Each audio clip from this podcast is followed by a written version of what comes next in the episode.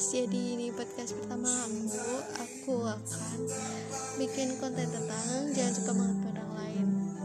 Banyak dari kita yang mungkin menganggap orang lain itu salah, nggak benar. Hidupnya nggak jelas. Bodoh. Gila.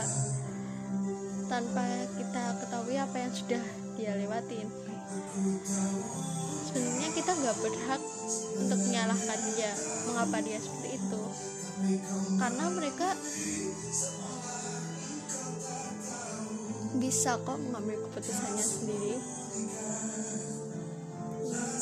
Kita juga belum tentu lebih baik dari dia.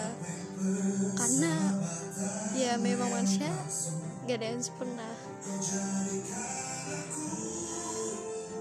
Bagaimana perasaan kalian jika kalian dikatakan oleh orang lain sebagai orang arogan, sombong, bermuka dua, judes? Padahal itu semua salah, nggak seperti yang mereka bilang. Karena kita nggak pernah tahu mengapa, mengapa sikap dia seperti itu jika kita memang belum kenal.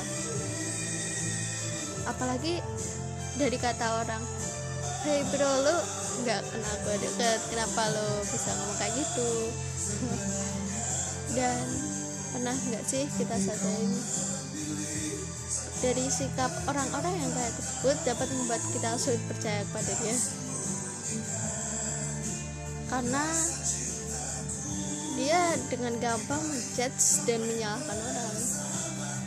Contohnya aku sendiri